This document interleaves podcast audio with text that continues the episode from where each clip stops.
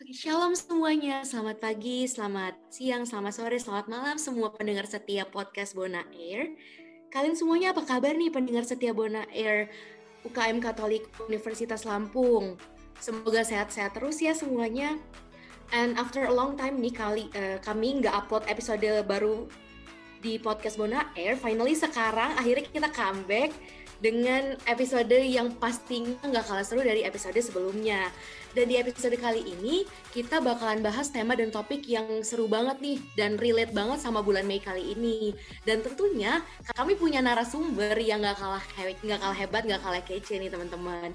Jadi kalau kalian penasaran, kalian stay tune terus ya dengerin podcast Bunda Air ini sampai habis. Oh iya, tak kenal maka kata sayang, jadi di episode kali ini podcastnya bakalan dibawain sama aku Alma dan rekan aku Mauren. Oke Mauren, gimana nih tema dan topik dari episode kali ini? Apa aja sih yang bakalan kita bahas dan apa yang bakal kita bicarain? Mungkin bisa dijelasin sedikit sebelumnya?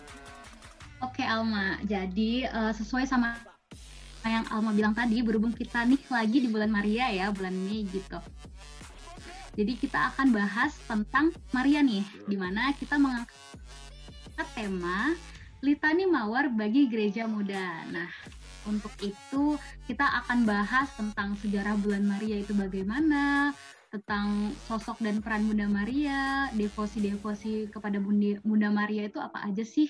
Intinya semua akan kita bahas di podcast kali ini. Nah, uh, tapi kan sebelum itu ya Alma, kita kan tadi kata Alma ada narasumber nih. Kira-kira siapa sih Alma narasumber kita kali ini? Nah, jadi untuk teman-teman semua narasumber kita kali ini tuh kece banget, keren banget. Untuk kalian yang ikut uh, KMK Youth Day tahun kemarin pasti udah tahu sih narasumber kita kali ini siapa. Jadi narasumber kita kali ini itu adalah Suster Maria Valencia FCH. Jadi aku bakalan bacain dulu nih CV-nya Suster Valen ke kalian semua ya. Jadi nama beliau adalah Suster Maria Valencia FCH, nama kecil beliau Gita Ariantahia, Beliau sering disapa Suster Valen atau Suster Gita. Suster Valen ini berasal dari Medan dan sekarang tinggal di Yogyakarta. Riwayat pendidikannya tahun 1999 sampai 2004 itu bersekolah di SD Negeri 1 Tanah Pinem, Dairi, Sumatera Utara. Kemudian melanjutkan studinya di SMP Negeri 1 Tanah Pinem kemudian SMA Negeri 1 Tanah Pinem, Dairi Sumatera Utara, dan sejak tahun 2018 hingga saat ini sedang menempuh pendidikan S1 Ilmu Komunikasi di Universitas Atmajaya, Yogyakarta. Kemudian pengalaman organisasi beliau pada tahun 2011 sampai 2014, beliau mengikuti pembinaan biarawati Kongregasi Suster Santo Fransiskus Caritas atau FCH. Kemudian pada tahun 2015 sampai 2017, merupakan Kepala Bagian Pembelian Farmasi Rumah Sakit Mirua Palembang dan 2018 sampai sekarang merupakan pengelola, pengelola media sosial dan anggota promotor panggilan kongregasi FCH. Gila, keren banget kan teman-teman CV dari Suster Valen ini dan pastinya nih aku yakin sih bakalan asik banget uh, topik-topik uh, yang bakalan kita bahas nanti sama Suster Valen. Oke, gimana nih Mak Oren? Bisa dilanjut nggak nih podcastnya? Langsung aja kali ya kita bisa ngobrol-ngobrol dulu ke Suster Valen. Oke, langsung aja nih kita sapa Suster Valen ya. Halo Suster Valen. Hai Suster. Halo, halo Mauren, halo Alma. Selamat malam dan semua pendengar podcast nih. Wah, yang luar biasa ya podcastnya orang muda dari Lampung. Wih, keren. Terima kasih loh aku udah diundang. Ih, kami juga terima kasih banyak loh suster udah mau meluangkan waktunya kan suster sibuk banget nih. Iya, ya sibuk-sibuk gitulah. Tapi kan kalian uh, sangat penting ya bagi saya. Jadi apa sih yang enggak? Iya. Iya. oh iya, suster sekarang lagi sibuk apa nih? Ya biasalah, anak kuliahan ya kayak gitu sibuknya belajar, kerja-kerja tugas gitu. Uh, Ya, sekarang kan lagi semester 6 nih, jadi uh, sedang KKN-nya sibuk garap tugas KKN sama buat laporan. Terus persiapan juga nih, semester depan kan mau KKL. Nah, kita lagi nyari-nyari nih di mana tempat KKL gitu. Itu aja sibuknya. Oh iya, suster kan sekarang kita lagi pandemi nih. Nah, itu suster gimana nih kegiatan uh, sebagai suster di era pandemi ini? Apakah semuanya serba online atau mungkin ada perubahan-perubahan di kehidupannya itu bagaimana suster? Iya bener banget ya kalau uh, dalam kami di Biara ini di rumahnya kan ada sekitar 14-an orang nih. Nah jadi kami sekarang masih harus menjaga jarak, kemudian harus selalu rajin cuci tangan dan mengurangi mobilitas keluar hanya yang penting-penting aja. Contohnya cari makan. Ya maksudnya gini belanja. Belanja untuk kebutuhan dapur. Ya paling itu aja. Terus ke gereja. Ke gereja pun kita dengan protokol kesehatan yang pokoknya mengurangi mobilitas keluar deh. Lebih baik kita dari rumah. Kalau nggak penting-penting amat kita nggak keluar supaya bumi kita cepat sembuh dan kita bisa kembali seperti normal seperti biasanya. Ya Amin. Oh iya ngomong-ngomong soal KKN, uh, eh, ini suster uh, sedang melakukan KKN atau sudah selesai ya suster saat ini? Ah iya, ini udah mau akhir ya hmm, bulan Mei, akhir bulan Mei ntar kelar deh KKN-nya. Jadi kita udah uh, berjalan uh, uh, kurang lebih satu bulan ya. Nah uh, KKN-nya online, kita KKN-nya online, jadi oh, gitu. kita melakukan sesuatu yang nggak pernah kebayang ya waktu kita sebelum pandemi itu. KKN iya. bakal online gitu ya ampun. Rasanya aku kangen masyarakat gitu tapi nggak ketemu. Iya, aku juga kangen banget. Iya iya iya gitu. Jadi KKN-nya kita buat uh, mempelajari ke kepentingan suatu masyarakat, lingkungan suatu masyarakat, kemudian kita berikan masukan sesuai ilmu kita yaitu yang sedang kami garap sekarang. Menyedihkan sih, kita nggak ketemu mereka itu menyedihkan sekali. Iya, bener banget. Oke deh suster, uh, mungkin kita bisa langsung bahas ke topik pembicaraan kita kali ini.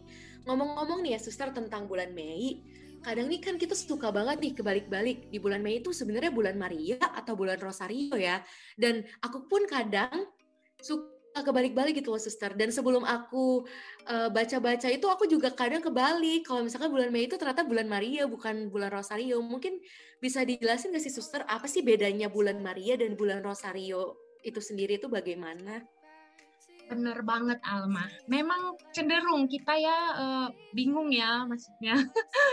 bingung bukan karena apa karena wujudnya itu kadang sama di gereja ya gak sih? Kalau teman-teman masih ingat uh, kalau kita punya uh, kegiatan di lingkungan gereja gitu uh, wujudnya pasti sama. Bulan Maria kita ngapain? Doa rosario di depan gua atau keliling doa rosario bergiliran kayak gitu. Bulan uh, Oktober di bulan rosario gimana? Kita juga berdoa rosario. Nah karena itulah sering kita ini hmm, tahunya bulan Mei sama bulan Oktober itu untuk Bunda Maria dan wujudnya adalah berdoa rosario. Nah, karena itu kita sering uh, jadi kayak kebalik-balik gitu ya. Padahal sebenarnya kalau kita mendalami lebih kritis lagi, lebih uh, lebih meng ingin mengetahuinya lebih mendalam lagi ya, emang benar bulan uh, Oktober dengan bulan Maria itu sebenarnya devosinya berbeda. Uh, kalau bulan Oktober itu untuk uh, meng, uh, menghormati kekuatan dari uh, doa yaitu doa rosario. Maka itu memang diperingati untuk bulan rosario. Sementara kalau bulan Maria itu diperingati bulan bulan Mei maksudnya itu diperingati untuk mm, disebut sebagai bulan Maria untuk memperingati bahwa Bunda Maria itu adalah uh, bunda sumber kehidupan kayak gitu. Nah, bicara tentang kenapa wujudnya semuanya rosario ya suster gitu ya kan? Kenapa nggak wujudnya beda gitu kan? Coba kalau uh, satu wujudnya jalan salib gitu nah jelas nih gitu. Iya karena bunda Maria memang hmm, apa ya memberikan doa rosario itu untuk kita karena uh, jadi ketika kita memperingati Bunda Maria salah satu wujudnya itu yang paling familiar dan dikenal oleh semua umat itu adalah doa rosario walaupun banyak sekali devosi-devosi yang lain uh, yang juga ditujukan atau melalui Bunda Maria dipanjatkan kepada Allah kayak gitu.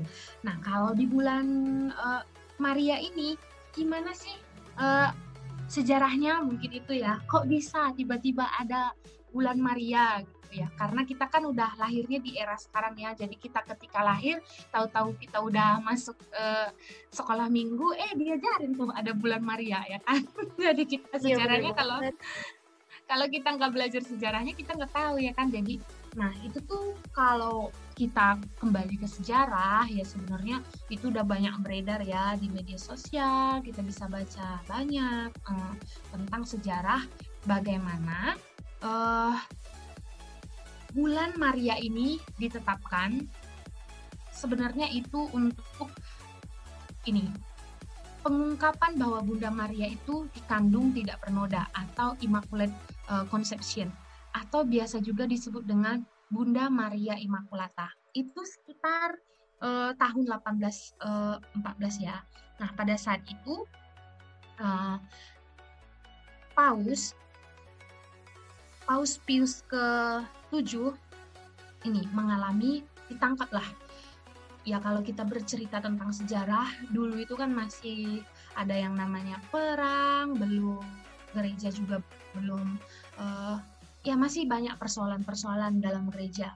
Nah, jadi paus paus kita itu ditangkap, paus Pius ketujuh ditangkap oleh uh, serdadu uh, Napoleon gitu ya. Kalau pengen tahu lebih mendalam lagi tuh bisa didalami. Tapi kalau kita belajar sejarah tentang ini aja nih bisa tiga jam ntar ngantuk pada pada ngantuk nanti ya kan. nah jadi intinya Bapak Paus Pius ke-7 pada uh, ya tahun uh, 1800-an gitu itu ditangkap. Nah, Bapak Paus berdoa melalui Bunda Maria Nah, sebenarnya jauh sebe kenapa Bapak Paus oh, udah berdoa kepada Bunda Maria ya? Tahu dari mana gitu ya kan? Sebenarnya uh, jauh di belakang tahun 1800-an itu sebenarnya doa rosario itu udah ada. Nah, jadi kalau pada hmm, abad pertengahan ya, itu abad pertengahan, kenapa ada doa rosario? Itu dulu deh. Nah, kenapa ada doa rosario? Nah, itu dulu sebenarnya wajib tuh kan biarawan biarawati itu wajib hukumnya berdoa nah jadi enggak tapi doanya itu dulu belum ada kayak sekarang ada yang buku bahasa Indonesia bahkan sampai uh, bermacam-macam bahasa ya ada bahasa Inggris pindah lagi ke negara-negara lain ada bahasa buku doanya itu udah diterjemahkan sama dengan seperti Alkitab kita ya kan nah tapi pada abad pertengahan itu dulu buku doanya itu semuanya pakai bahasa Latin guys. Nah, kan nggak semua nih. Jangankan berbahasa Latin, nggak semua biarawan-biarawati itu dulu pintar membaca. Bukan semua biarawan-biarawati itu berangkat dari orang yang cerdas pada saat itu. Tapi biarawan-biarawati, eh semoga tahu ya biarawan-biarawati apa kayak kayak suster, frater, bruder gitu ya. Tahu kok. Sebentar tahu tahu ya. Ntar aku nggak nyambung ngomongnya. Nah jadi biarawan biarawati kayak contohnya suster gitu tuh nggak bisa baca nggak bisa mendoakan doa doa doa doanya para suster oke. Okay. ntar aku jadi kepikiran buat konten kapan-kapan apa sih doanya para suster oke. Okay. nah jadinya kan hmm, doa doanya ini diganti deh dengan mendoakan 150 kali doa Bapak kami. Kenapa 150 kali ya suster? Nah karena Mazmur sebenarnya doa-doanya para suster dan biarawan-biarawati itu kan terdiri dari Mazmur. Kalau teman-teman buka Mazmur itu terdiri dari berapa bab? Itu 150 bab. Nah, pada saat itu diganti deh tuh menjadi doa Bapak kami 150 kali. Nah, berkembang berkembang berkembang sejarahnya menjadi agak kabur sedikit tetapi perkembangannya itu akhirnya doa itu tadi diganti dengan doa salam Maria. Nah, maka kalau sebenarnya kan kita sekarang berdoa salam Marianya sekali berdoa itu 50 kali ya kan? Nah, eh, sebenarnya itu ada sebelum dulu ditambahkan peristiwa gembira, sebenarnya kan ada peristiwa sedih, peristiwa mulia, kemudian peristiwa gembira. Nah, sebelum ditambahkan maksud saya peristiwa terang. Nah, itu kan ada peristiwa terang sekarang empat. Kalau dulu kan tiga. Nah, sebenarnya sehari itu seharusnya didoakan tiga peristiwa. Jadi totalnya itu seharusnya doa rosario kita yang sekarang tuh tiga kali. Nah, bayangkan pagi, siang, sore ya. Jadi seharusnya kita tuh berdoa rosario kalau mau mau mengikuti yang pertengahan abad pertengahan dulu itu kita seharusnya doanya itu tiga kali tuh rosario diputar peristiwa sedih, eh, peristiwa gembira, sedih, mulia. Nah, tapi dengan berkembangnya hmm, ini uh, ya perkembangan zaman para religius akhirnya udah difasilitasi bisa membaca dan buku-buku itu diterjemahkan ke berbagai macam bahasa. Tapi doa rosarionya juga berkembang. Nah, lalu kenapa disebut rosario? Uh, ya, rosario itu berangkat dari uh, kata bunga sebenarnya dari bahasa Latin kan rosarium, yang artinya itu adalah bunga mawar. Nah, nanti bisa kita bahas lagi tentang bunga mawar. Nah, inilah titik awal Paus Pius itu berdoa. Jadi kita nggak heran kenapa Paus Pius itu berdoa kepada Bunda Maria. Iya, karena pada abad pertengahan itu uh, bisa jadi ya kalau ditangkap kan masukin penjara nggak mungkin kan bawa-bawa buku ya. Bawa-bawa buku dulu bukunya juga tebel-tebel ya kan nggak mungkin dong Bapak Paus nih bawa buku-buku ke penjara. Nah, jadi wajar kalau Bapak Paus uh, Pius mengganti doa-doa itu dengan doa rosario. Nah, apa intensinya Bapak Paus Pius? Ketika nanti Bunda Maria eh, membantu dengan doa dengan penuh keyakinan, Bapak Paus uh, dengan penuh keyakinan yakin akan dibebaskan. Nah, dan benar uh, dengan berdoa akhirnya Bapak Paus dibebaskan oleh hmm, dan bisa kembali ke Roma. Dan sejak saat itulah akhirnya lima tahun kemudian beliau menetapkan bulan Mei sebagai bulan Maria. Nah, itu sejarahnya kurang lebih yang suster tahu. Nanti kalau ada yang kurang bisa ditambah tuh. gitu Elma. Wah ilmu baru sih ini suster soalnya kan uh, kebanyakan pasti belum pada tahu tuh sejarah dari bulan Maria itu sebenarnya gimana dan sekarang akhirnya aku dan pendengar-pendengar podcast Bunda Air ini uh, akhirnya tahu gimana um, bulan Maria itu sejarahnya. Oke mungkin pertanyaan selanjutnya bisa dilanjut sama Mauren. Iya bener banget. Jadi kita sekarang udah tahu ya Alma kita udah bisa beda ini kapan bulan Maria, kapan bulan Rosario dari informasi kasih ya suster berikan. Terima kasih loh suster. iya. Oke. Okay. Jadi suster uh, ngomong-ngomong tentang bulan Maria dan sejarahnya bulan Maria, uh, sebenarnya apa sih suster sosok dan peran Bunda Maria yang sesungguhnya bagi gereja Katolik sehingga kita itu berdoa kepada Bunda Maria melalui doa Rosario suster. Kira-kira gimana suster penjelasan? Oke. Okay. Nah, kalau uh, doa rosario ini ya sebenarnya jauh sebelumnya itu udah selain dari uh, selain dari yang aku jelaskan abad pertengahan tadi itu dia memang digunakan oleh biarawan-biarawati untuk menggantikan doa brevir yang seharusnya mereka doakan. Nah setelah itu kita juga udah nggak asing ya kan dengan peristiwa perang perang agama ya dulu perang salib ya pada uh, uh, pada tahun 1500-an lah. Nah, di situ umat umat Allah pada saat itu dengan tekun sekali mendoakan doa uh, rosario. Nah, memang uh, doa rosario yang kita bilang tadi berkembang, akhirnya umat juga mendoakan, bukan lagi khusus untuk religius yang nggak tahu, mm, yang nggak bisa baca buku doa tadi ya kan. Nah, sejak saat itulah ketika doa itu dipanjatkan dan uh, benar-benar Bunda Maria hmm, memberikan pertolongan dan itu diyakini oleh umat, maka kan pada saat itu uh, bisa memenangkan perang itu ya. Jadi sejak saat itu tuh bermunculan banyak mujizat oleh Bunda Maria.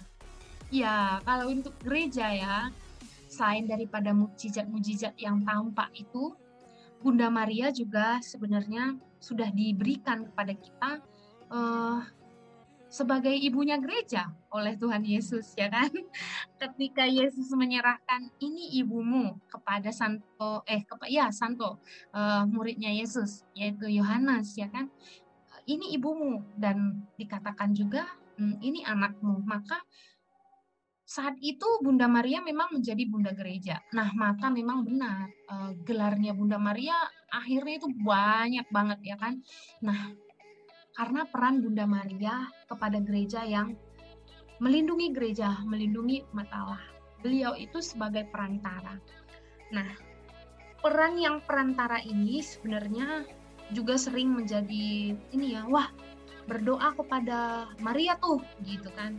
Uh, ya kita memang berdoa kepada Allah sebenarnya, tapi melalui Bunda Maria. Aku membayangkannya seperti ini. Ketika Yesus memberikan itu sebagai ibu kepada kita, contohnya kayak gini. Ketika Mauren punya Android baru nih ya kan. Nah, kameranya bagus, jernih banget. Nah, aku butuh karena aku lagi mau buat video nih tugas uh, kameranya aku agak buruk nih ya kan? Aku pengen dong minjem punya Moren. Nah aku kenal bundanya bundanya Moren. Uh, Moren ini sih kenal juga aku tapi ya dikit-dikit gitu karena aku jarang sapa dia.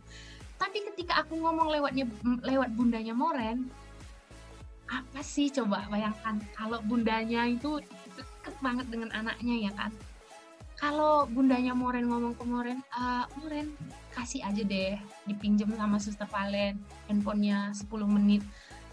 Moren pasti percaya banget dong dengan bundanya bahwa suster Valen gak bakal uh, merusak gitu ya kan handphonenya. Dan kecenderungan ketika kita mendekati ibunya, hati anaknya itu cepat luluh gitu. Gitu deh konsepnya itu peng, uh, apa ya penghayatan pribadi aku sih. Jadi peran Bunda Maria itu sebagai perantara. Ketika kita uh, ingin menyampaikan permohonan-permohonan kepada Allah dan pada saat itu kita di jalan pintas lah ya kita ngomong lewat bundanya wah langsung langsung dikabulkan gitu ya semata-mata bukan semata-mata untuk minta-minta aja sih tapi ketika kita mengucapkan syukur kayak gitu uh, itu juga akan lebih mudah sampai ketika kita melalui bundanya. Itu sih yang bisa menurut aku jadi kita sebut perannya Bunda Maria selain daripada ibu, ya beliau juga sebagai perantara kita kepada Allah, kepada Yesus ya. Jadi doa-doa kita kalau dititip lewat ibu nggak bakal nggak bakal kececer di tengah jalan. Semoga apa yang aku maksud sampai ya gitu Moren. Wah gitu suster. Paham paham banget kok suster. Nah uh, jadi kan sebagai perantara tuh ya suster perantara doa tuh bisa dibilang seperti itu ya gampangnya suster. Nah, ya. nah kalau suster sendiri punya pengalaman nggak sih suster uh, yang berhubungan dengan Bunda Maria atau doa-doa tentang Maria gitu? Ada nggak sih suster pengalamannya? Boleh dong suster di share di sini Oh, ya boleh banget. Nah, jadi ini aku berangkat ya uh, pengalaman, tapi aku cerita pengalaman pertamaku aja deh, karena itu tuh sangat berkesan bagiku sampai sekarang. Nah, ketika aku SD, aku itu ikut deh sekolah minggu. Nah, uh, itu kebetulan bulan Mei kayak ini, bulan Maria. Nah, jadi guru sekolah minggu tuh uh, bagi kami satu-satu rosario, dan itu adalah rosario pertamaku. Nah, Nah saat itu uh, guru sekolah minggu kami itu ya aku nggak nangkep terlanjur terlalu panjang lebar ya hmm, makna kalau dulu tuh belum tahu ini bulan Maria bulan Rosario nggak. Aku hanya denger dia ngomong kayak gini ini uh, doa Rosario kita doakan di depan Bunda Maria. Kita minta tolong kepada Bunda Maria. Apa pun yang kita minta ketika kita mendeposikannya sembilan hari berturut-turut pada waktu yang sama, kita doakan terus dan permohonan yang sama, maka yakinlah doa kita itu akan diwujudkan oleh Bunda Maria. Wah, aku langsung kayak ya namanya anak kecil ya kan, aku kayak nganggep itu tuh kayak sihir gitu loh. jadi, jadi kayak wah sembilan hari langsung jadi nih oke okay, gitu deh. Terus aku tuh ini yang ya akhirnya lama kelamaan itu kupakai untuk setiap kali mau ujian sekolah. Itu aku selalu berdoa rosario. Dan nggak pernah meleset juga sih aku selalu juara dulu tuh. Selalu juara umum heran juga aku. Oh. tapi mungkin karena belajar ya. Nah semakin dewasa kita tuh kadang makin rasional. Tapi dulu tuh aku yakin wih hebat nih Bunda Maria. Jadi kalau kepotong bentar aja itu tuh aku bakal sedih. Oh aku ragu dengan ini. Takut pokoknya makanya ini kisahnya lucu gini. Aku tuh karena kan uh, waktunya itu aku buat pulang sekolah. Kalau pulang sekolah itu uh, rumah sepi.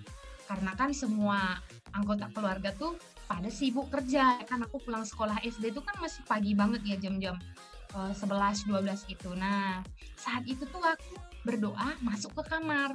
Dan karena di kamar itu tuh uh, ada ini ada patung Bunda Maria kecil. gitu. Jadi aku berdoa di situ sungguh-sungguh kusyuk. Tapi ini biasanya siang itu juga temanku itu udah pada nunggu gitu bakal main. Nah pada suatu hari tuh temanku tuh udah manggil-manggil di luar. Jadi aku tuh ya ngebut banget doanya, ngebut banget. ngebut salam Maria penuh rahmat Tuhan Jadi cepet kelar gitu kan, biar cepat kelar, biar bisa cepat main. Nah kalau pengalaman aku dulu waktu kecil itu adalah aku nggak mau melewatkan doa rosario ini pada jam yang sudah aku tetapkan karena aku punya suatu niat dan aku tidak pernah kecewa dengan uh, doa itu. Nah, oleh karena itu tuh hmm, walaupun tidak sempurna, yang penting pada jam itu aku harus berdoa rosario kayak gitu.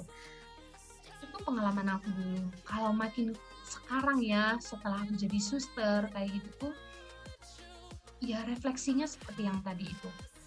Aku tuh sering banget membawa Bunda Maria hmm, aku membayangkannya kayak yang tadi deh. Ketika aku ada mau atau aku mau mengucapkan syukur aku meletakkannya ke Bunda Maria. Nah pokoknya penghayatannya itu Bunda Maria itu duduk berdekatan sama Yesus dan kalau aku udah ngomong lewat Bunda Maria, Bunda Maria tinggal bisikin nyampe deh di telinganya Yesus kayak gitu. Uh, bukannya mau ngomong kalau Yesus tuh nggak mendengar ya, tapi rasanya ketika kita membawa Bunda Maria untuk serta gitu, kita menghormati lah. Uh, boleh sih kita, ayo ajak jalan anaknya atau ayo minta tolong ini. Tapi kalau kita ngomong lewat ibunya, itu tuh benar-benar kita juga menghormati ibunya yang punya anak gitu. Itu sih pengalaman yang ada ya transisinya udah beda banget ya. Kalau dulu tuh kayak uh, aku menganggap Bunda Maria itu seperti ajaib uh, yang adrakadabra sembilan hari jadi gitu. Kalau sekarang lebih dari uh, ya kayak ibu deh. Kayak bersyukur banget uh, Bunda Maria bisa memberikan menyampaikan, memberikan, pokoknya menghormati bagaimana Bunda Maria itu sangat berperan besar dalam hubungan kita dengan Yesus. Ya kita kalau berhubungan dengan anaknya, ya kali kita nggak menghargai ibunya ya kan? Dijewer nanti kita sama ibunya. gitu teman-teman, semoga masuk akal ya. kadang memang kalau pengalaman tuh nggak masuk akal tapi ya kalian harus menerima dong namanya juga pengalaman ya kan Suster berarti kalau misalnya kita mau PDKT nih sama orang, berarti kalau kita PDKT lewat ibunya ampuh dong ya. Nah iya, ajak lagi ke Bunda Maria, wah makin ampuh. Kerjasama sama Bunda Maria. Betul kalau kita lewat ibunya tuh kita alasan datang ke rumahnya, eh ngantar makanan untuk ibunya dong, eh belajar masak sama ibunya dong, ya makin banyak alasan. Tapi kalau kita deket sama anaknya doang, nggak leluasa deh ke rumahnya. Biasanya kita bakal lebih suka nongkrong di luar. Lah, padahal itu kan nanti keluarga kita di masa depan, ya kan? Deketin, ti, uh, deket, deketin deh ibunya. Ketika kamu tahu kesukaan ibunya, wah, ya tuh mantap, gampang, gampang. Manjur tips banget ini suster. oh iya suster, ngomong-ngomong nih tentang uh, Bunda Maria. Kan pasti kita di bulan Mei dan di bulan Oktober itu ada devosi-devosi nih yang dikhususkan untuk Bunda Maria. Dan kita tahu kalau misalkan Rosario ini devosi yang paling uh, famous banget nih kita tahu. Nah, selain devosi dalam bentuk Rosario itu ada devosi-devosi lain gak sih suster yang sebenarnya itu ada dan kita itu kurang tahu gitu loh tentang devosi itu yang ditujukan kepada Bunda Maria. Ah, ya ya ya ya betul betul. Kalau doa Rosario ini memang benar ya udah dikenal luas dan semua orang tahu. Sebenarnya ada banyak devosi Bunda Maria. Bukan maksudnya begini. Kita berdoa melalui Bunda Maria. Kita berangkat dari eh, pengalaman-pengalaman uh, ya yang kita lihat di kitab suci ketika Bunda Maria sebagai ibu. Nah, kita bisa devosi itu sebenarnya ada yang udah familiar atau bisa kita ciptakan sendiri ya kan? Nah tapi kalau yang udah familiar sebelum aku ajarin hal-hal yang yang lain jadi kayak gini. Devosi yang udah familiar yang lainnya itu adalah tiga salam Maria. Tiga salam Maria ini udah banyak banget yang aku dengar ya. Uh, udah pada ngerasain nih buahnya gitu kalau doa rosario itu kan kadang panjang banget ya rasanya panjang banget ya gitu kalau bukan di bulan Maria bukan di bulan uh, Rosario nih kayaknya aduh uh, susah cari waktunya kayak gitu. Nah tapi sebenarnya kalau udah punya niat sih nggak terlalu panjang sih itu kalau kami kan setiap hari doa Rosario kayak gitu. Tapi bisa jadi memang benar-benar ada orang-orang tertentu yang nggak benar-benar nggak punya banyak waktu lagi kayak gitu. Kalau makin lama malah makin nggak kusyuk gitu kan. Nah itu bisa dikenal juga ada namanya uh, devosi tiga salam Maria. Nah itu tuh devosinya lebih singkat dari salam Maria, tapi udah banyak juga dipakai dan sudah banyak mujizat yang didapat dari devosi itu. Nah nanti bisa cari dong itu banyak kok lembarannya atau bisa cari uh, ini juga di media internet ya banyak devosi tiga salam Maria itu udah banyak banget mujizatnya. Selain itu, kita juga bisa, yang maksudnya bukan menciptakan devosi ya, tapi penghayatan. Kita mau melihat Bunda Maria itu dari segi apanya sih, kayak gitu. Nah, kalau Bunda Maria kan ada juga yang di bawah kaki salib, contohnya. Kalau kita nonton hmm, film yang Maria tentang perjalanan penyelamatan Yesus The Passion ya, Nah itu kan uh, kita bisa melihat bagaimana Bunda Maria berdiri di kaki salib itu wah benar-benar uh, hati siapa sih yang nggak hancur kayak gitu kan. Melihat anaknya kayak gitu sampai mati di depan matanya gitu ya kan. Tapi dia tetap tegar. Nah kita pengen contohnya berdevosi ke ketegaran Bunda Maria yang walau hancur hancur tapi dia tetap tegar. Nah, kita pengen berdevosi. Oke, kita tinggal doa aja dan devosi itu kadang tidak tidak harus dengan rumusan-rumusan yang yang harus ketat banget gitu seperti liturgi atau sakramen. Kalau tata perayaan sakramen itu kan udah udah ditetapkan ya oleh gereja dan kita nggak nggak boleh serta merta mengubah-ubah. Oke, kita komuni dulu baru konsekrasi itu nggak bisa ya kan langsung baru datang langsung terima komuni dulu aja gitu nggak bisa. Tapi kalau devosi ini devosi itu kan seperti ya aku menghayatinya itu seperti ungkapan hati, kedekatan hati. Nah, kalau melalui Bunda Maria, selain daripada yang udah tenar-tenar tadi kayak tiga salam Maria, doa rosario, kita juga bisa memilih segimana sih dari kehidupan Bunda Maria yang paling mengena dengan situasiku saat ini. Nah, kita bisa menggunakan itu untuk kita doakan. Gitu, teman-teman. Oh iya, suster. Sebenarnya ada nggak sih, sus, uh, waktu yang terbaik gitu untuk doa rosario itu mungkin pagi ke siang atau tengah malam mungkin ada nggak sih sus waktu khusus? Oh iya. Oh kadang kita teringat tentang ini ya yang uh, bisa jadi ya yang ini ya doa kerahiman ilahi ya biasanya kan uh, banyak orang yang mendoakan di sore hari jam 3 gitu. Rosario apa ada gitu ya. Kalau sejauh ini sih aku taunya nggak ada. Doa rosario itu bisa didoakan kapan saja dan di mana saja gitu ya. Tapi alangkah baiknya kalau kita mencari waktu. Nah, kayak aku aja dulu masih anak kecil ya, masih SD itu. Ngerti bahwa saat saat-saat sepi itu kapan maksudnya doa rosario itu kan panjang ya kalau kita tiba-tiba ada gangguan kan kita jadi nggak fokus atau nggak bisa diselesaikan. Nah jadi sebaiknya teman-teman menyesuaikan aja kapan waktunya kapan sih aku punya waktu yang benar benar-benar sangat khusyuk sangat ya ini ya sangat bisa membuat aku fokus gitu gitu. Aku mau nanya satu lagi nih suster boleh boleh boleh. Banyak oh, banyak aja nggak apa-apa.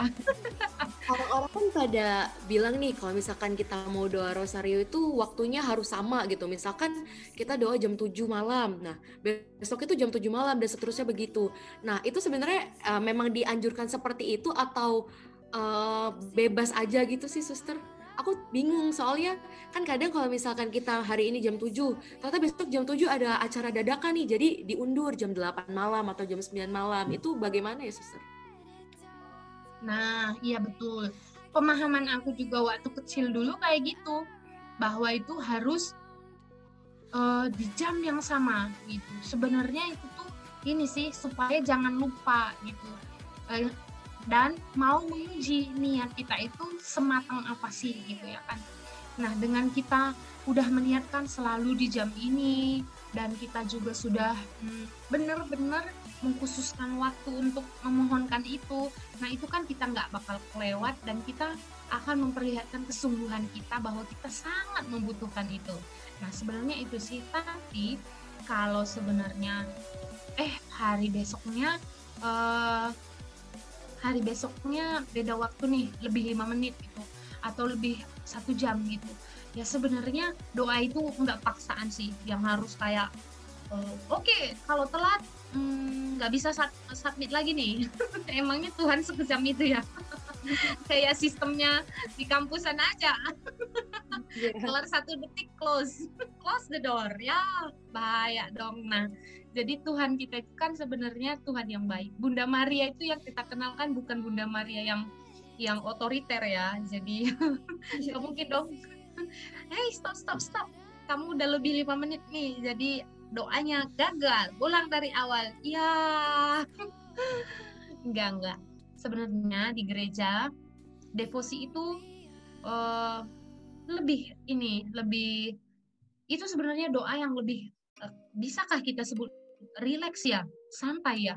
Uh, ya itulah sebenarnya doa doa rosario itu uh, merupakan devosi dan devosi itu pada umumnya tidak terlalu kaku kalau di gereja kita. Nah, seperti misa aja sebenarnya walaupun ada suatu niat yang ingin disampaikan, uh, bisa kok diundur gitu ya kan? Hanya supaya umatnya nggak terganggu gereja menetapkan satu waktu. Contohnya ini kita lagi ada devosi roh kudus nih ada misa pagi jam sekian supaya umatnya bisa ngumpul dan bisa oh iya jam segini nanti ada misa dan kalau tiba-tiba romonya ada suatu hal dan ternyata telat lima menit apakah uh, semua akan menjadi tidak diterima Tuhan intinya nggak diatur harus jam segitu terus gitu enggak hmm, aku kalau ada satu pertanyaan jawabnya panjang banget ya semoga kalian gak bosan ya Gak apa-apa suster, gak bosan kok malah informatif banget.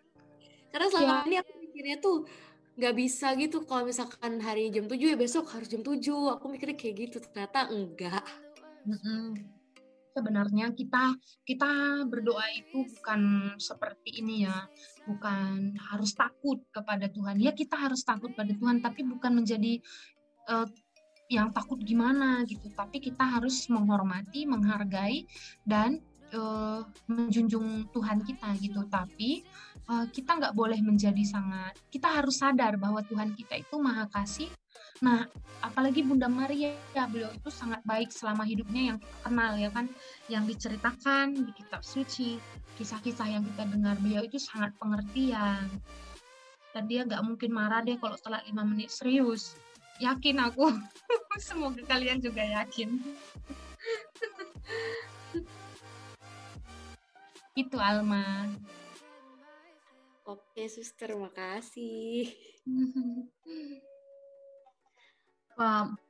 informatif sekali ya. Banyak banget informasi yang kita bisa dapat dari Suster Valen ini nih, Suster. Ya. Jadi, Suster, uh, kan kita udah bahas banyak nih ya tentang Maria nih, Suster. Nah, uh, menurut Suster sendiri itu bagaimana sih, Suster, cara kita untuk semakin mengenal dan mencintai Bunda Maria itu sendiri, Suster? Hmm, ya, ya, ya. Benar. Cinta itu memang kan sebelum belum uh, kalau nggak kenal baru nggak cinta. Itu udah luas banget kita tahu. Nah maka benar pertanyaan Moren tadi gimana kita kenal biar kita nanti mencintai ya nggak sih? Nah uh, iya gini kalau kita mau kenal kepada seseorang uh, selain dari kita harus buntuti dia terus dengerin kisah-kisahnya stalking media sosialnya itu ya kalau manusia asli ya kita uh, cari-cari sejarah hidupnya. Nah, terus kita juga sering berkomunikasi dengannya. Oke, ini salah satu sarana nih. Podcastnya membahas tentang uh, Bunda Maria. Wah, berarti kita memang udah berusaha nih mau kenal Bunda Maria, ya enggak sih? Nah, selain itu seringlah berkomunikasi dengannya. Wih, ngeri banget, suster nggak punya nomornya. Ya, suster kalau baik sih gitu ya. Enggak, maksud aku gini, uh, bukan berkomunikasi yang kita kenal seperti chattingan atau gimana. Kalau dengan Bunda Maria, caranya gimana kita berkomunikasi? Ya lewat doa. Makin banyak kita berkomunikasi dengan Bunda Maria, makin banyak yang akan dikasih tahu kepada kita tentang dirinya. Nah, lah, suster gimana nih? Kok seram sih gitu ya berkomunikasi dengan Bunda Maria kan beliau udah nggak ada di bumi ini ya dengan doa. Dengan doa kita bisa berkomunikasi dengan Bunda Maria. Kalau kita sudah berdoa melalui Bunda Maria dan Bunda Maria sudah menampakkan kuasa dan ya apa yang kita inginkan sudah disampaikan kepada Allah. Sejak saat itulah kita akan mengenal Bunda Maria itu siapa. Ya kan? Kalau kalau saat ini aku hanya ngasih tahu nih. Dan teman-teman taunya dari aku. Atau teman-teman baca kitab suci nih. Lalu teman-teman kenal Bunda Maria melalui kitab suci. Coba deh sesekali temui Bunda Maria melalui pengalaman. Yakinlah sejak saat itu kita akan semakin mencintai Bunda Maria kalau kita bertanya kepada orang yang udah pernah ya merasakan mujizat doa dari Bunda Maria, mereka akan cerita begitu berkobar-kobar. Kenapa? Karena mereka udah mencintainya. Karena mereka udah mengenalnya dengan, wah Bunda Maria itu, dia adalah Bunda yang menyampaikan kepada Yesus sehingga aku punya anak. Ada kan? Itu beberapa keluarga yang mengunjungi beberapa gua dan mereka yakin sembilan gua nanti mereka akan punya keturunan dan benar di di uh, setelah sembilan maksudnya gua yang kesembilan mereka akhirnya dapat keturunan dan sejak saat itu apa sebutan Bunda Maria bukan lagi Bunda Allah bukan lagi hanya Bunda Maria uh, ya mungkin banyak gelar Bunda Maria ya. Tapi bagi mereka apa gelar Bunda Maria? Bunda yang menyampaikan doa sehingga kami mendapatkan keturunan. Sejak saat itu, nggak bisa diragukan lagi, mereka pasti udah cinta pada Bunda Maria. Nah, jadi itu tadi teman-teman, selain daripada cari tahu apa kata orang, ya seperti saat ini ya, dan juga kita harus berkomunikasi langsung dengan Bunda Maria, sehingga kita akan tahu siapa sih Bunda Maria bagiku gitu ya kan? Ketika udah punya pengalaman siapa suster Valen buat kamu? Itu loh suster Valen yang keren itu. Keren ya ampun. Aku yang ngomong ya ya pokoknya gitu deh contoh contoh. Ya atau itu tuh suster Valen yang cerewet tuh loh banyak ngomong tuh. Nah contohnya kayak gitu. Melalui pengalaman langsung saat itulah kita bisa mengenal orang lain dan kalau kita udah punya uh, suatu pengalaman yang berkesan, ah nggak mungkin nggak bakal cinta. Gitu teman-teman. Wah, berarti uh, mungkin berkomunikasi dengan Bunda Marianya itu melalui doa-doa kepada Bunda Maria di pos-pos yang tadi suster jelaskan itu bisa juga ya suster ya? Ah iya benar Maureen. Gitu. Suster. oh ya suster, aku ada pertanyaan nih suster, tapi kayaknya agak apa ya? Saya aku tuh dulu perhatiin suster okay. di setiap patung Bunda Maria itu uh, di kakinya Bunda Maria tuh menginjak ular gitu, suster. Nah, kira-kira ah. itu maknanya apa ya? Ah, iya. Sebenarnya itu nggak semua patung. Eh, semua nggak ya? Eh, tapi sebenarnya itu maknanya kayak gini. Aku, maaf ya, aku oh nggak persiapan bagian itu. Ketahuan nih kalau persiapan. Tapi sebenarnya aku pernah belajar tentang itu waktu masih novis. Nah, kenapa sih ada ular di, di kakinya Bunda Maria? Jadi itu sebenarnya, tapi aku kurang yakin apakah semua patung ada. Tapi kayaknya iya deh. Kayaknya semua patung ada kan Bunda Maria sebenarnya patungnya itu berbeda-beda berdasarkan devosinya. Ada Bunda Maria Immaculata, ada Bunda Maria yang berduka cita. Pokoknya macam-macam patungnya itu berbeda-beda. Tapi kayaknya semua menginjak ular. Karena menginjak ular itu kenapa? kalau dulu uh, kalau Bunda Maria kan bagi umat Katolik itu adalah Hawa yang baru. Kalau dulu di Perjanjian Lama Hawa itu kan digoda oleh ular sehingga manusia jatuh ke dalam dosa ya kan. Nah, ketika Yes, uh, Bunda Maria sanggup mengatakan ya atas perutusan Allah untuk mengandung Yesus dan ketika ia sanggup menjalani perannya sebagai Bunda Allah, nah Sejak saat itulah Bunda Maria disebut sebagai Hawa yang baru dan Hawa yang baru ini tidak bisa dikalahkan oleh kuasa setan sehingga yang dulu setan itu dilambangkan dengan ular pada saat uh, Hawa itu diinjak deh sama Bunda Maria. Nah, itu juga ada devosi kalau kita berdoa uh, mengalahkan setan-setan itu boleh juga melalui Bunda Maria karena Bunda Maria itu adalah hawa yang baru yang bisa mengalahkan godaan-godaan setan. Gitu, yang seingat aku gitu. Loren. Wah, terima kasih suster. Soalnya kan kadang perhatiin gitu ya suster kok di setiap uh, patung kok ada ularnya itu kenapa? Nah, terima kasih loh suster mungkin sekarang udah bisa iya, terjawab. Iya, Bunda Maria. oh iya, mana tahu apa Bunda Maria ini dulu pawang ular gitu ya aduh ngatain yang senang pun ampun ampun oke oke Wah ternyata nggak kerasa nih suster. Udah lumayan lama ya kita dari tadi uh, ngobrolin informasi-informasi dan banyak-banyak hal tentang bulan Mei, bulan Mei dan bulan Maria ini. Oh ya suster, uh, aku mau minta saran nih uh, dari suster untuk kami uh, para pemuda Katolik untuk para gereja muda yang ada di dunia ini.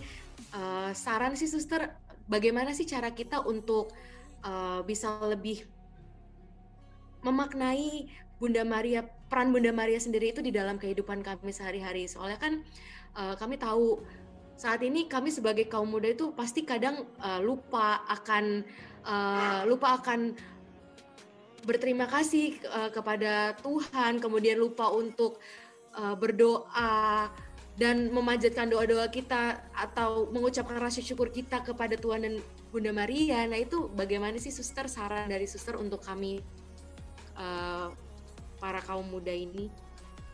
Oke, ya. Uh, ini ya, kaum muda itu aku jadi ingat nih hubungannya dengan Bunda Maria. Uh, kalau ingat kisah uh, Bernadette Subiros yang di ini yang di Lourdes nah uh, itu kan Bunda Maria menampakkan diri kepada uh, Santa Bernadette beliau kan diangkat jadi Santa ya. Nah itu penampakannya itu sampai berapa kali ya kalau nggak salah? Uh, 18 kali. Aku udah catat soalnya. 18 kali dan lima kali itu penampakan Bunda Maria berbicara dan menyampaikan pesan-pesan secara verbal kepada uh, Bernadette Subirus. Apa pesan-pesannya itu banyak. Nanti teman-teman bisa uh, googling juga. apa yang ingin yang bisa kita petik dari hmm, peristiwa itu ya itu kan peristiwa yang sangat wah berkesan ya bisa bertemu dengan Bunda Maria. Oke, sekarang kita mungkin uh, ah susah ya kalau uh, sekarang harus bertemu Bunda Maria mungkin di bukit ada nggak sih bukit di bagian-bagian uh, Lampung ya aku belum pernah ke Lampung soalnya kan. Mungkin ada bukit di sana ya. Terus tiba-tiba Bunda Maria menunjukkan diri. Mungkin nggak sih suster? Gitu kan. Ya itu bisa jadi uh, ini ya lelucon ya bagi kita sekarang. Tapi itu nyata. Dulu pernah terjadi. Ya emang sih udah lama banget ya tahun 1000 1800-an Bunda Maria memang saat itu datang 18 kali ya mengunjungi anak gadis yang masih 14 tahun kalau nggak salah usianya dan dia menyampaikan pesan. Nah kita ini orang muda kita juga bisa menjadi dekat dengan Bunda Maria. Kan ada pastor-pastor dulu, ada suster-suster. Kenapa ya? Tapi Bunda Maria memilih Bernadette Subiros. Kenapa dia berjumpanya dengan Bernadette? Nah, kenapa ya?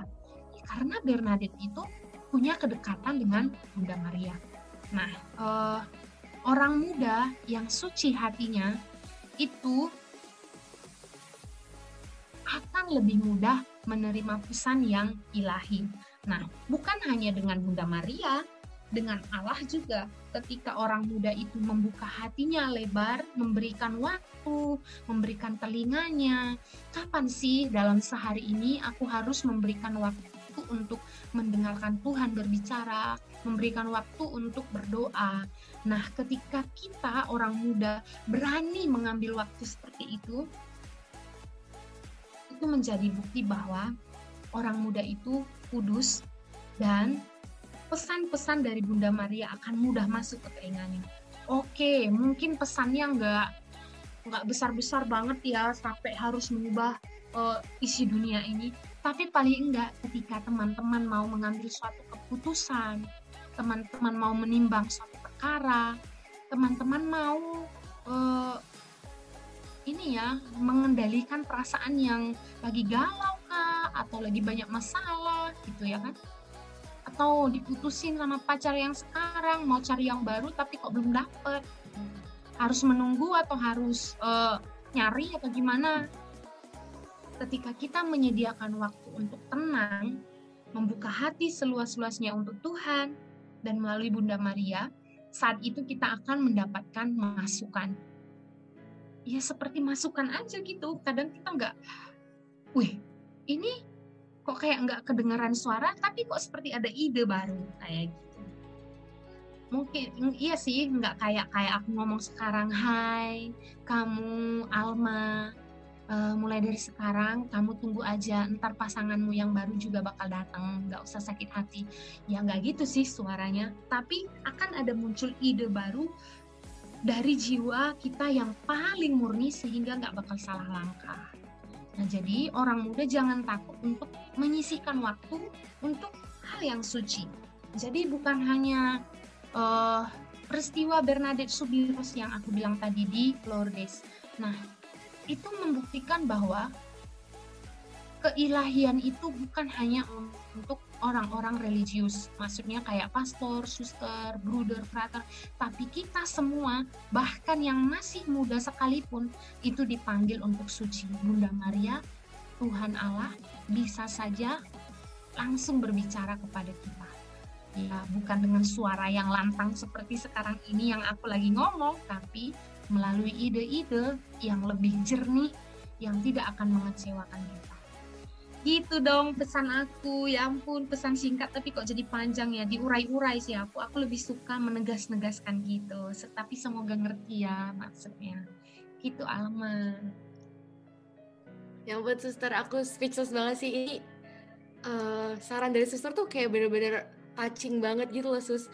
Kayak ya ampun selama ini uh, buat aku reflek refleksi diri aku kayak selama ini aku gimana? Dan setelah suster menyampaikan saran-saran ini kayak bener-bener buat aku mikir dua kali gitu sus. Ya ampun ternyata aku selama ini belum sedekat itu sama Bunda Maria. Dan aku berharap sih semoga untuk uh, semua pendengar podcast Bona Air ini uh, bisa tergerak juga hatinya untuk lebih dekat lagi sama Bunda Maria. Karena ya seperti yang suster katakan tadi karena itu impactnya bakalan benar-benar uh, besar banget ke kehidupan kita. Oh iya by the way suster uh, kira-kira suster punya nggak nih closing statement yang mungkin mau disampaikan nih ke para pendengar uh, podcast Bona Air? Mungkin bisa sepatah dua patah. Oke Alma, ya closing statementnya ya. Bunda Maria itu kita bukan berdoa kepadanya, kita tetap berdoa kepada Allah, kepada Tuhan Yesus, kepada Allah kita ya. Tapi Bunda Maria itu adalah bunda yang menjadi sarana atau perantara kita. Jadi seperti yang aku bilang tadi, Bunda Maria itu seperti ibu yang jika kita dekati, doa kita akan lebih langgeng gitu ya. Dan selain lebih langgeng, kita juga menghayati Bunda Maria sebagai uh, ibunya Tuhan Allah. Jadi kita harus dong menghormati ibunya. Masa eh, dengan anaknya banyak maunya dengan anaknya, masa iya ibunya nggak dihormati ya kan? Nah itu yang pertama. Yang kedua, kamu orang muda, jangan menganggap wah bagian kesucian, uh, berdoa-doa itu kenal dengan Bunda Maria, dekat dengan Bunda Maria, dengan Allah itu tugasnya para pastor, suster dan bruder.